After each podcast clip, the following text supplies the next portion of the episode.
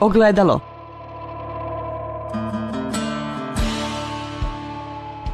Podcast Autonomije.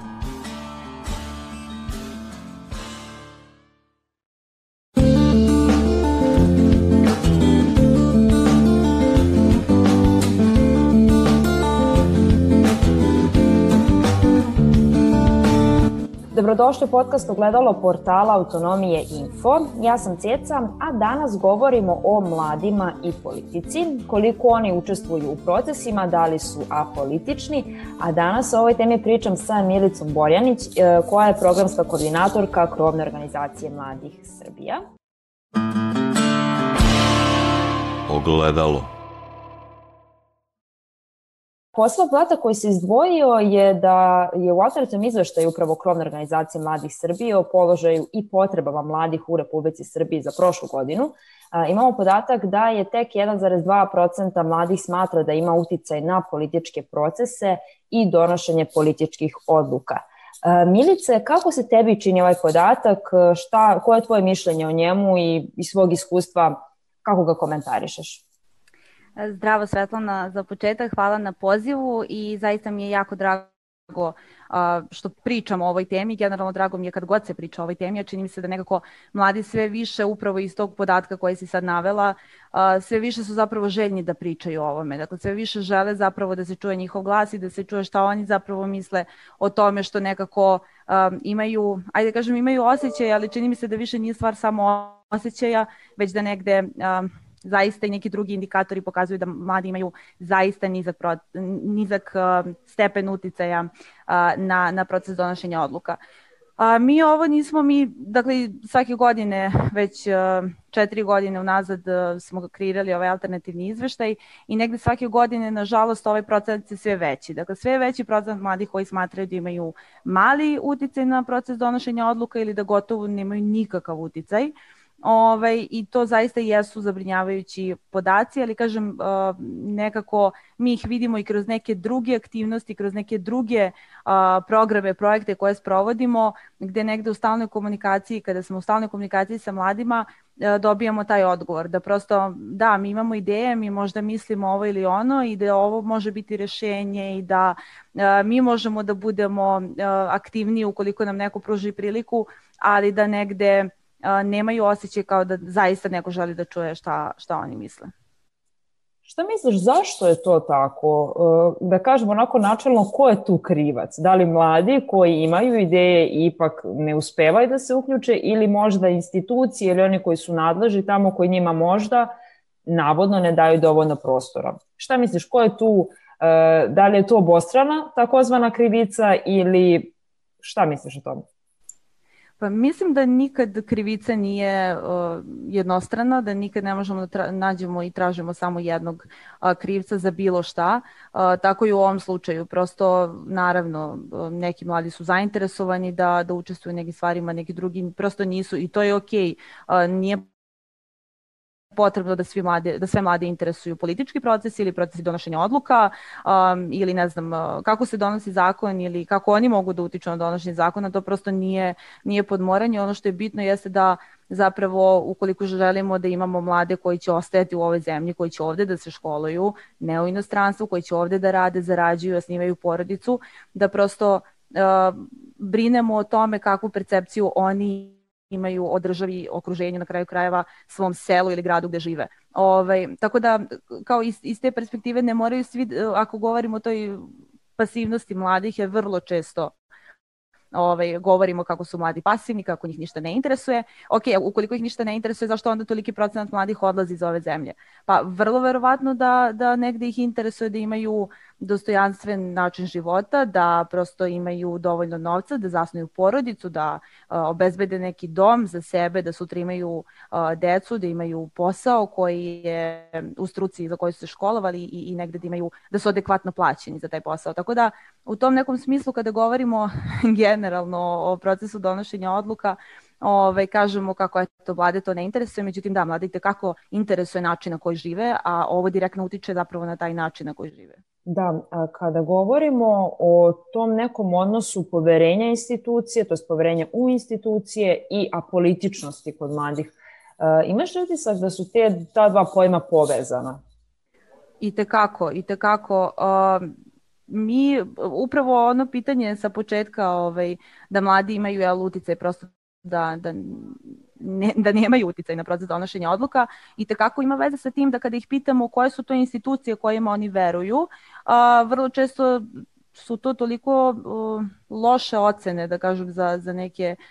institucije u našoj državi da je to strašno. Recimo, ukoliko gledamo taj prosek ocena od 1 do 5, vrlo često uh, poverenje mladih u institucije ne prelazi ocenu uh, 2,5-3, što je poprilično loše i to, dakle, kada govorimo o poverenju, ne govorimo o poverenju u parlament, o poverenju u vladu, u predsednika države ili dakle, neke ključne institucije, već negde najbolje su ocenjeni, ne znam, crkva, policija, dakle, to jest vojska zapravo, vojska crkva. Tako da u tom smislu prvo što je poverenje u institucije na izuzetno nezavidnom nivou, a drugo što i ono gde postoji najviši stepen poverenja, to i dalje nedovoljno. A, tako da oni samim tim što ne veruju te institucije, oni su obeshrabreni zapravo i da učestvuju a, u, u bilo kakvom procesu donošenja odluka i da zapravo a, učestvuju u radu tih institucija. Da li imaš, na primjer, neki, neki primer toga zašto mladi ne veruju institucije? Da, vrlo često ovaj, kada govorimo, ja nekako najviše volim da uh, govorimo na nekim realnim primerima i najrealniji primeri, nekako najopipljiviji su oni u nekim manjim lokalnim sredinama. To je prosto kada, kada odete u neko manje mesto i vidite te mlade koji su zaista motivisani da nešto promene, međutim oni već znaju kako stvari funkcionišu, oni već znaju uh, kako se uh, dogovaraju određene promene, gde se dogovaraju i znaju da nažalost te promene, do tih promena ne dolazi u institucijama i ne dolazi na taj način što će neko saslušati mlade od tih lokalnih donosioca odluka i, i nekako uh, raditi u skladu sa njihovim nekim interes, interesima ili potrebama. Uh, tako da na, sad uh, mi smo vrlo često sa mladima sa lokala govorili o nekim telima koje bi trebalo da postoje dakle, u, u lokalnim zajednicama kao što su Savet za mlade, Kancelarija za mlade. Dakle, sve su to neka opštinska tela koja bi zapravo trebalo da rade u interesu mladih da nekako obezbede sve ono što bi trebalo da postoji na nacionalnom nivou, da se zapravo spusti na lokalni nivo i da mladi onda osete konkretne promene u, u svojim srednjim osnovnim školama. Dobro, to su već ovaj, deca, ali dakle srednjim školama od 15 godina kada već su mladi mladi i da onda kada odu na fakultet imaju zapravo želju da se vrate u, u svoje lokalne zajednice. E pa upravo tu nastaje problem, zato što te kancelarije za mlade su vrlo često nemaju, dakle, ne dobijaju uh, budžetska izdvajanja iz, iz uh, opštinskog budžeta, samim tim ne mogu da kreiraju neke programe, uh, nešto prosto što će uh, mladima da bude značajno i što će zapravo uticati na kvalitet njihovog života u, u lokalnoj zajednici. Već prosto znaju um, da su to obično neki, da kažemo, politički nameštenici, odnosno, dakle, ljudi koji su u političkim strankama i tu su nekako, to im je funkcija, dakle, nije, nije zapravo neka želja, nisu to omladinski radnici koji negde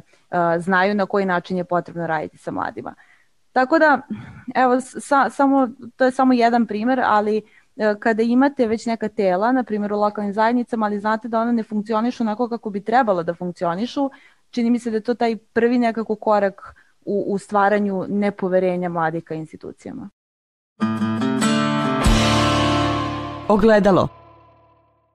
Kakav je tvoj utisak, odnosno kako je tvoje mišljenje upravo o uh, informisanosti kod mladih po pitanju uh, uopšte delovanja institucija? Koliko su oni zapravo informisani, na primjer, gde oni sami mogu da se obrate za nešto što njih zanima, a sa druge strane, da li su svesni koje institucije mogu njima da pomognu u tom kontekstu na lokalu, na, na regionalnom nivou i tako dalje. E, da, e, sad taj informisanost e, kažu kao eto pa danas mladi toliko borave na internetu, dostupni su im raznorazni sadržaj, kako možemo da kažemo da nisu informisani, kako možemo da kažemo da, jel, da, da im informacije nisu dostupne. Možemo, a možemo iz razloga što vrlo često nalazimo na situaciju da zapravo upravo te institucije koje ajde da počnemo od ovih koje direktno ovaj utiču ovaj na to jest bave se mladima a onda možemo da, da odemo i do nekih jel, ministarstava koje se bave nekim drugim sferama, ali opet tu nam je bitna ona međusektorska saradnja, dakle ne postoji a, sfera koja se ne tiče mlade osobe. Dakle, kao što smo rekli, ako se tiče načina života, kvaliteta života, onda se svakako tiče mlade osobe kao pojedince ili pojedinke. Ove, ovaj, ali, dakle, da se vratimo na ovo, negde um, vrlo često zapravo informacije koje nam dolaze od institucija, ustanova, raznoraznih relevantnih aktera, da, da ih tako nazovemo, ovaj, zapravo nisu prilagođene mladima. Dakle, danas mladi jesu na internetu, ali mnoge informacije nisu na internetu. Mnogi mladi ne znaju koje, koji konkursi sve postoje, koje stipendije postoje, gde mogu da pronađu te informacije. To su vrlo često neke zastarele metode, ja, ja se sećam baš jednog primera, sad opet se vraćam na primjer, mislim da se tako može mnogo, mnogo lakše ovaj, savladati. Ja u, u srednjoj školi, ovaj, moja drugarica je odlučila da konkuriše za jednu internacionalnu srednju školu u Mariboru i ovaj, odlučila je da aplicira, prikupila je svu dokumentaciju, poslala i trebalo je, poslednji dokument trebalo je da potpiše direktor. Ona je došla u školu i dala ta, tu dokumentaciju i onda je njoj direktor rekao, joj Aleksandra, pa zašto ti ovaj, meni nisi rekla ovaj, da hoćeš ovo, mi smo baš dobili ponudu od te škole prošle godine. I onda je ona rekla kao, pa da li, kako sam ja mogla da znam da ste vi dobili tu ponudu, Gde, ko je to meni rekao, gde mi je rekao. Ove, a ne govorimo dakle o mladoj osobi koja nije bila informisana ili koja nije želela da prosto istražuje. Tako da, a, negde pored toga što je potrebno da postoji volja, potrebno i da postoji umreženost svih tih aktera. Dakle, ako govorimo o nekoj manjoj lokalnoj zajednici, ne može škola da ne komunicira sa kancelarijom za mlade. Stoga nekako kancelarija za mlade prirodno ne može bez toga da, da je povezana i sa drugim nekim opštinskim telima, sa savetom za mlade, pa onda nekako i sa udruženjima koji deluju u, u toj lokalnoj zajednici, sa đačkim parlamentom. Dakle, sve su to neki akteri koji su relevantni i koji moraju zapravo upućeni su prosto jedni na drugi. Ako oni ne komuniciraju, onda zaista ne možemo da kažemo da su mladi adekvatno informisani. A da ne pričamo onda prosto da dolazimo i do tog problema lokalnih medija, gde zapravo čini se da nekako tema mladih nije dovoljno u, u fokusu i nema prioritet. Uh, ono što je meni uh, posebno zanimljivo jeste uh, da je skoro izašao, to jest mislim da je završen konkurs za predstavnike i predstavnice mladih, koji je KOMS raspisao, Savet za mlade, je tako, vlade Republike Srbije. Kako, ti se, kako ti se čini, verujem da već ste imali i prijavu i kakav je to, da kažemo, model mlade osobe koja bi volela uh, da bude deo Saveta za mlade? Da, ja moram da, da kažem, ja sam zaista uzbuđena ovaj, oko lično zbog, zbog tog procesa. Mislim da je izuzetno značajan, jer pro, to je prosto vladino telo uh, gde mladi trećinu um, članstva u tom telu imaju mladi, dakle mladi od 15 do 30 godina, najrazličitijih a, interesovanja, obrazovanja i svega ostalog. A, prošao je proces selekcije, mi sada imamo izabranih 15 mladih ljudi koji će nekako da zastupaju upravo interese mladih. Dakle, oni su predstavnici mladih, ne, ne predstavnici samo određenih udruženja ili samo nekih mladih, oni su predstavnici svih mladih i upravo u tome jeste poenta. Imamo mlade koji imaju 18 godina, ali imamo i mlade koji imaju 28 godina. Dakle, negde ideja je da zapravo imamo punu predstavljenost mladih. Ono što će nekako njihov zadatak biti jeste da a, upravo sve ono o čemu mi pričamo ovako i po nekim a, i, i da kažem na nekim uh, internim događajima gde onako uh, pričamo šta je to problem jedne mlade osobe kada se nađemo sa svojom porodicom u svoje četiri zida, ove, ali na ovako nekim događajima za mlade gde pokušamo jel, da, da nekako uh,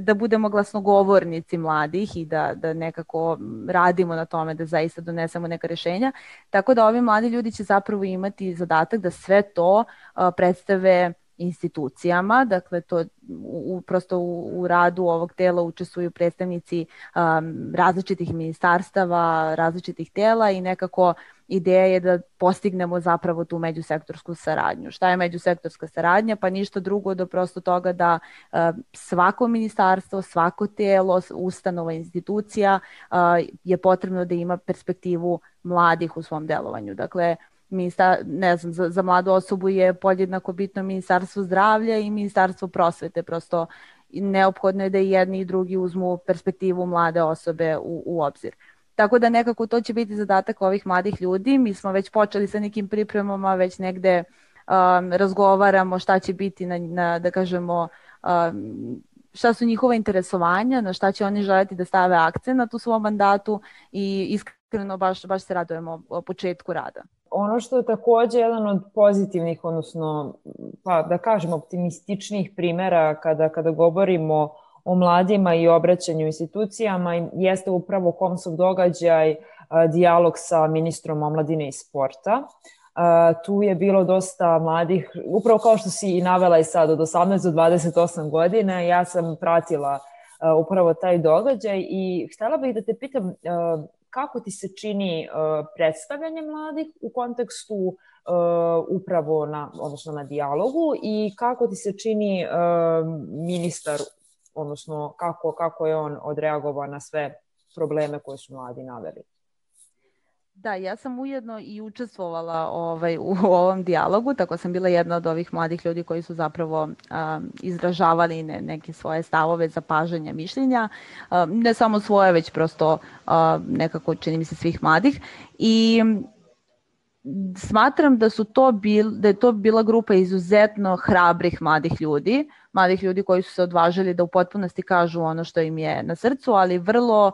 čini mi se, odmereno i vrlo u pravcu ono što smo pomenuli malo pre rešenja. Dakle, nismo govorili samo o problemu, nismo govorili, prosto nije cilj ta, ta, takvog događaja, dijaloga da vi dođete i samo izlistate šta su sve problemi, već je negde uh, bitno da razmišljate u pravcu rešenja. Uh,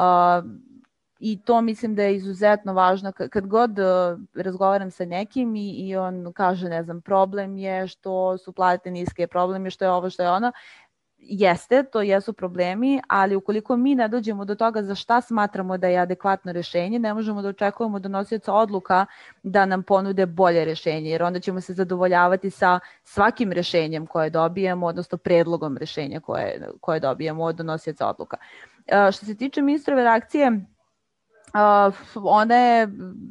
mislim, kao i, i svi donosioci odluka, prosto oni ovaj, kreiraju određene odluke za koje bi naravno volili da imaju, da kažemo, neki opšti konsenzus i opšte slaganje. To nije slučaj nikad bio, pa čini mi se da neće ni sad, jer prosto nije, mislim da ne možemo da govorimo samo u tom afirmativnom ovaj, smislu kada govorimo o, o određenim politikama, zato što a, onda nećemo napredovati i onda nećemo postignuti zapravo nikakvo, nikakvo rešenje. A, tako da ja sam zaista bila ponosna što sam bila deo tih mladih ljudi koji su u tom trenutku izražavali svoje mišljenje, što su govorili taj pravac nekako čini mi se u kom su govorili, a ono što nam svakako ostaje jeste da radimo sa Ministarstvom omladine i sporta, jer prosto svi predlozi koji su došli od strane mladih su bili predlozi koji su i tekako imali smisla i koji negde imaju već potencijalna rešenja. Tako da svidelo, su, svidelo se to nekom ili ne, dakle da li ministru, da li ministarstvu, da li bilo kome, prosto nije bitno jer to je ono što mladi žele. I kao što sam rekla i tada, ukoliko zakon ne valja, onda ga menjamo, tako da ovaj, šta god čini mi se da ne valja, onda je potrebno da menjamo. Uh, upravo pomenula si neke od problema koje su mladi, odnosno navela si da, da su se obraćali ministru sa problemima koje oni vide u svojoj okolini. Koje probleme koje su oni naveli si ti onako koja su ti se izdvojila dok si ih slušala i normalno šta si ti pripremila za ministra? ovaj, pa, uh, ne mogu, teško mi jako da izdvojim jedan problem, jer ceo, ceo događaj nekako bio podeljen na dva dela, pa smo govorili o toj omladinskoj infrastrukturi i to su sve one stvari uh, koje su neophodne da postoje kako bismo mogli dakle da uh, kreiramo neko bolje okruženje za mlade, te neke um, da kažemo ovaj, zajednice koje su aktivne mlade koje imaju priliku da se iskažu, a, a ovaj drugi deo se tica upravo te neke participacije i svega onog što je vidljivo. Tako da ako bismo govorili ovako nekim stvarima koje bi mlad, za mladu osobu bile značajne ovaj, u, u njihovim zajednicama i mestima prosto gde žive, to su svakako prostori za mlade. Dakle, neophodno je da mladi u, u svojim, kažemo opet, u svom selu, gradu, opštini, gde god da, da žive, da imaju neki prostor ovaj, gde zapravo mogu da organizuju neke kulturne događaje uh, ili da prosto se nalaze da, da izražavaju svoje mišljenja, svoje stavove, da se edukuju, da imaju priliku za neformalnim obrazovanjem. Sa druge strane, ništa od toga nije moguće bez budžeta, dakle neophodno je da opštine uh, izdvajaju određena sredstva za mlade kako bi mladi mogli zapravo da, da to jest da bi i odrasli za mlade, ali i mladi za mlade uh, kreirali neke programe koji bi uh, nekako njih ove, omogućavali im da se, da se razvijaju u željnom pravcu. Tako da, to su neke stvari koje su, neke inicijative koje su došle, koje su ovako da kažemo vidljive, ali sa druge strane ta omladinska infrastruktura, to da imamo adekvatan zakon o mladima, zakon o volontiranju, da, da imamo savet za mlade koji je funkcionalan na nacionalnom i na lokalnom nivou, to su opet neke stvari koje su preduslovi. Tako da nekako ne ide jedno bez drugog. Ogledalo Htela sam uh, onako po, poseban deo uh, podcasta da posvetim, odnosno htela sam jedan deo ove emisije da posvetimo upravo omladinskoj politici uh, sa aspekta uh, onoga što mislim da se često ne priča u, u našem društvu, to je uh, kako se tebi čini uh, promatranje mladih da negativno gleda političke partije? Pa da, što se tiče političkih partija i, i alternativni izveštaj je negde pokazao da mladi imaju dosta negativan stav. Imamo određen broj mladih naravno koji su, koji su u političkim partijama i prosto uh, tu negde uh, vide prostor da, da menjaju neke stvari, vide prostor da uh, utiču na, na politike, ali sa druge strane imamo i one mlade koji apsolutno uh, smatraju da ulazak u političku partiju uh, jeste nekako da kažemo izjednačen u potpunosti sa dobijanjem posla. Tako da to su oni mladi koji smatraju da jedino uh, mogu da dobiju posao u ovoj državi ako se učlane u političku partiju i, i dobiju, kako se kaže, partijsku knjižicu. Tako da uh, imamo tu negde polarizovano, nažalost da, veći je broj mladih koji smatraju da nije vredno ulaziti u političku partiju i da se time ne bori uh, za, za neko neki bolji život i neke bolje uslove života, ali isto tako um, oni opet imaju neke druge prilike. Dakle, nisu političke partije, da kažemo, jedini način izražavanja stavova. Uh, naravno, uh, članstvo upravo u, udruženjima mladih i za mlade, što negde KOMS um, KOMS jeste dakle, mreža udruženja mladih i za mlade i jeste način da zapravo mladi ljudi učestvuju u političkom društvenom životu, da iskazuju svoje stavove, da zapravo uh, nekako budu aktivni članovi i građani ovog društva, ali da uh, ne moraju nužno da budu članovi političke partije. Tako da mislim da i jedni i drugi, ukoliko ulaze iz nekih svojih uh, u, u da kažemo ove različite vrste organizacije, ukoliko ulaze sa nekim stavovima, željama za promenama uh, i jedno i drugo su neki, da kažem, legitimni načini uh, učestvovanja borbe i, i svakako, uh, da kažem, da, da postičemo i, i jedne i druge. Na primjer, imamo informaciju da se u Skupštini nalazi kako to kažu i dobrani procenat mladih ljudi koji se nalaze jel te, u tim, da kažemo, klupama. Misliš li da je to zapravo rešenje za mlade? Ako misliš da, da li mislim da je broj rešenja za mlade, ne. To što veliki da, broj mladih, da, to što veliki broj mladih ovaj, ajde kažem veliki, mislim veći broj u odnosu na prethodne godine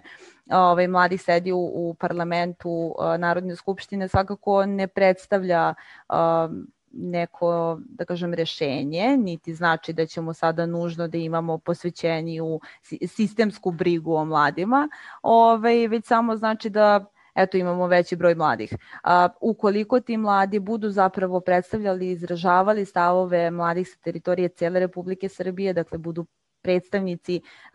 svih građana i građanki, ali recimo da kao mlade osobe nekako se budu upravo obraćali mladim ljudima, onda to definitivno može da predstavlja promenu i može da napravi značajnu razliku. Tako da broj kao broj ne znači ništa, bilo gde,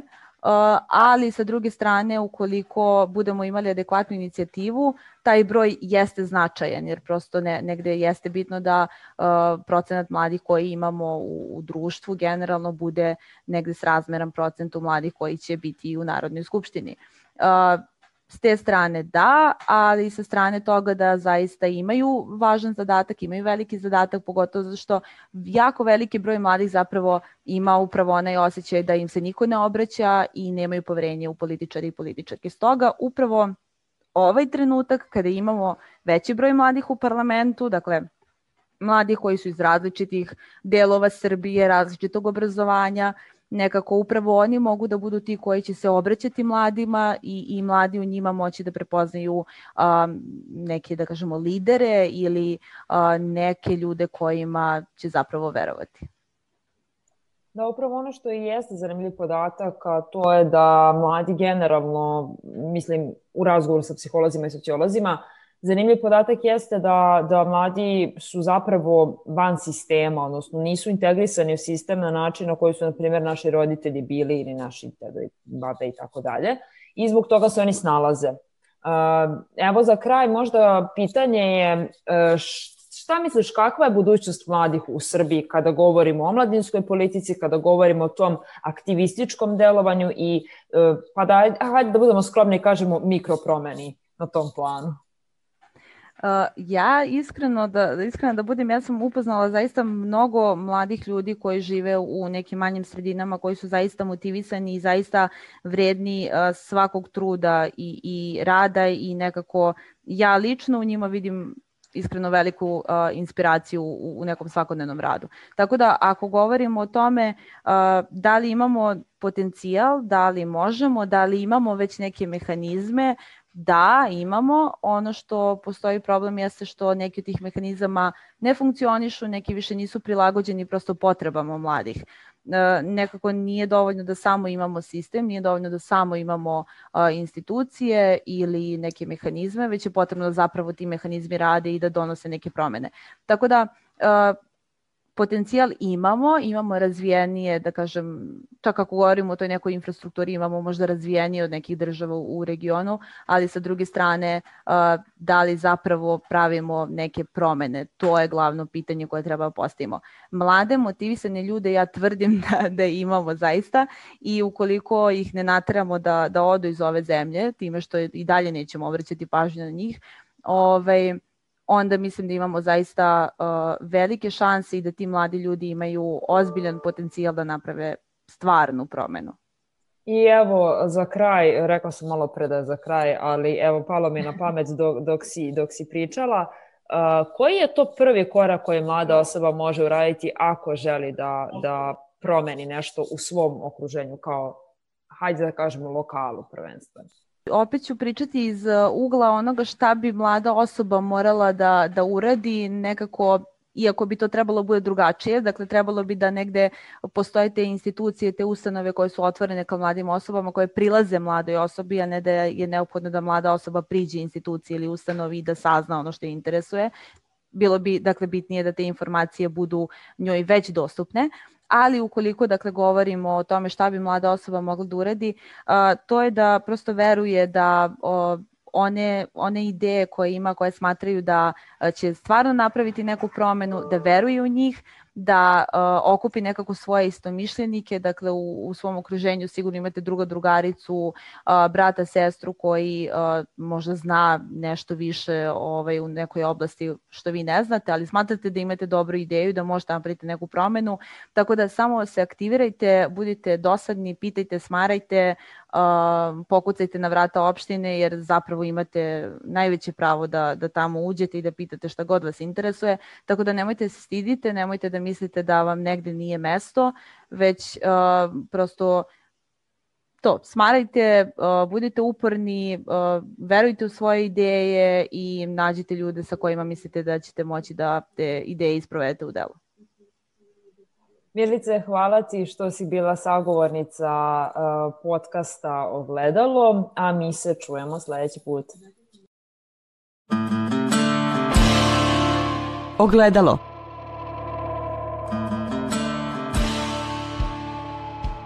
podcast Autonomije.